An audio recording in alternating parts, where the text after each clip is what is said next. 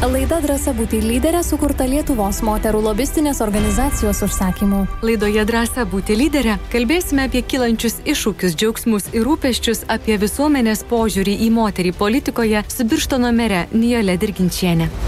Laida sukurta Lietuvos moterų lobistinės organizacijos užsakymu, vykdant projektą Politinis moterų dalyvavimas pažangai - nuo analizės iki veiksmo. Projektas finansuojamas valstybės biudžeto lėšomis. Labadiena, brangus klausytojai. Studijoje prie mikrofono Eglė Malinauskinė ir vėlgi atkeliavo laikas laidai drąsa būti lyderė. Taigi apie moterų lyderystę šiandien mes kalbėsime su Birštono mere Nijole Dirginčienė. Labadiena, gerbiama merė. Labadiena, labadiena.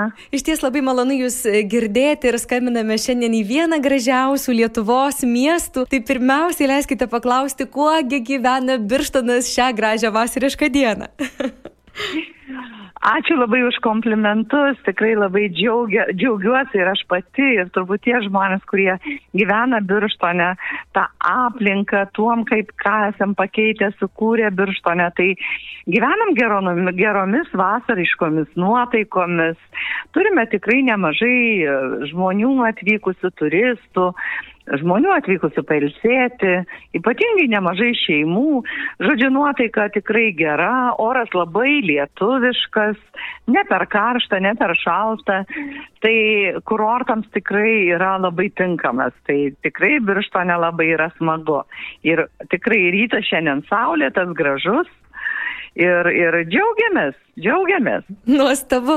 Na, iš tiesų, gerbiama Nijolė, jūs esate, na, gal šeimininkė, negalėčiau pavadinti Birštono, bet esate Birštono mere jau tikrai ne vienerius metus. Tad a, labai smalsu jūsų klausti, ar jūs, a, kai tapote Birštono mere, ar tai buvo jūsų ilgas kelias, sakykime, iki štai tokio vadovo posto, ar, ar, ar tai buvo, na, sakykime, toks impulsas, kad va, miestui reikia tikrai va, kažkokių pokyčių, kuriuos jūs matėte, ar iš tiesų tiesų tai tas kelias į na, tokį tikrai politinę lyderystę mieste buvo ilgas ir toks na, nuoseklus. Na, jūs esat e, visiškai teisi, tas kelias tikrai buvo ilgas. Ir pirmiausia, aš pradėjau nuo tarybos e, nario pareigų, tarybos narės pareigų. E, na, visada man buvo įdomu ir, ir dar daug metų atgal, nes aš apie 30 metų aš dalyvauju politikoje ir man buvo įdomu, e, kuo aš galėčiau prisidėti prie miesto pokyčių. Na, tiesiog buvau aktyvi, turbūt iš prigimties, man buvo įdomus visuomeniniai visokie dalykai, Partijos veikloje tikrai pradėjau vėliau dalyvauti, bet į tarybą jau, į tarybą jau kaip ne, ne partijos narė pradžioje, bet man buvo tiesiog įdomu, nes aš buvau aktyvi ir man norėjosi kažką keisti. Aš mačiau, kad galima pakeisti, galima kažką daryti kitaip ir įtakoti tos procesus. Todėl atėjus į tą tarybą, sakykime, kaip tarybos narė, man teko garbė ir komitetams vadovauti ir, ir būti valdybos nare, dar tada tokios valdybos buvo, dabar kolegijos. Na, žodžiu, mane tai domino ir aš galvoju, kad aš tikrai um, mačiau ir galvojau, kad galiu prisidėti prie tų pokyčių ir noriu, noriu, noriu dalyvauti. Tai va tas turbūt paskatino ateiti. O mere tai jau iš tikrųjų, na, nemažai metų dirbu irgi tiesioginiai rinkimai vyksta jau trejus metus, tris kadencijas tiksliau. Ir trečiojo kadenciją iš eilės jau esu renkama pirmame turė ir žmonės pasitikė.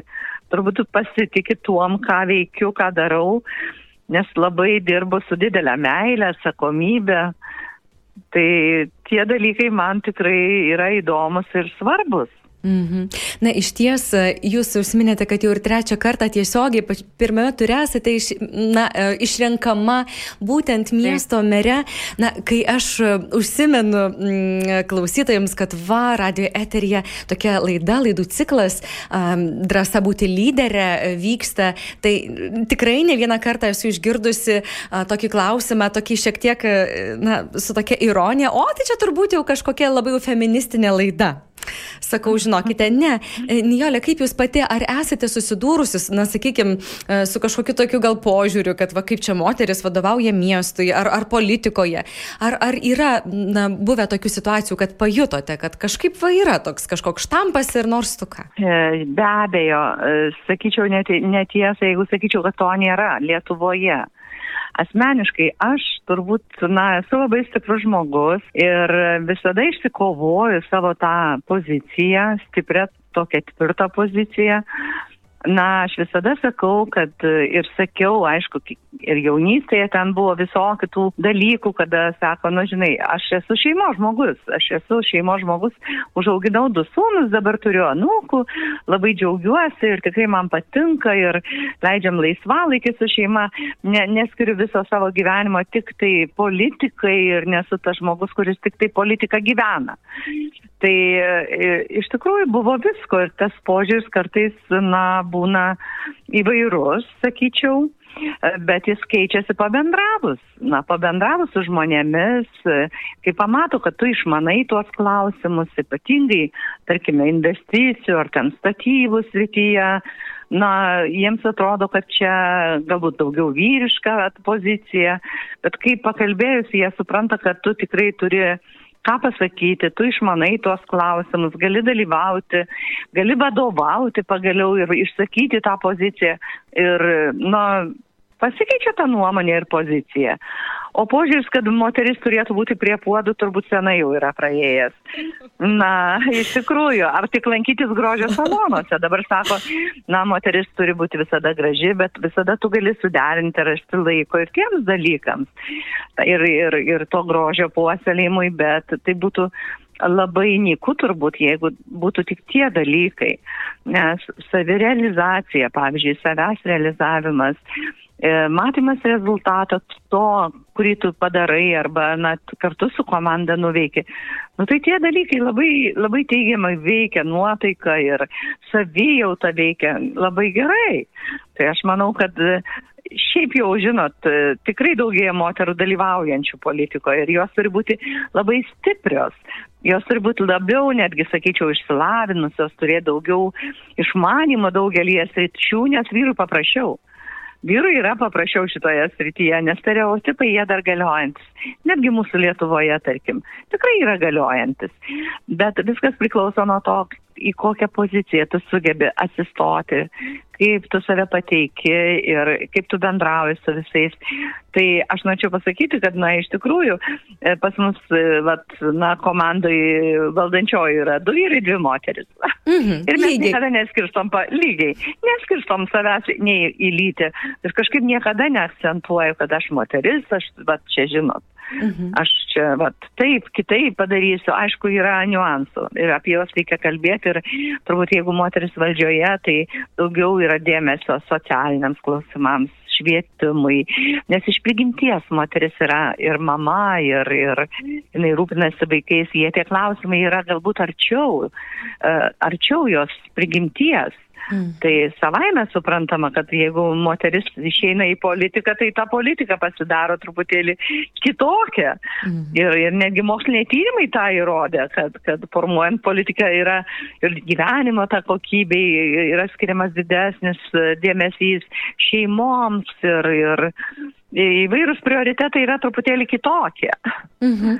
Na, o gerbiamą merį, jeigu aš klauščiau jūsų, sakykime, jūs susiminėte, kad tikrai nėra visas laikas skirtas vien tik politikai, kad jums pavyksta atrasti tą balansą tarp šeimos ir tarp darbo.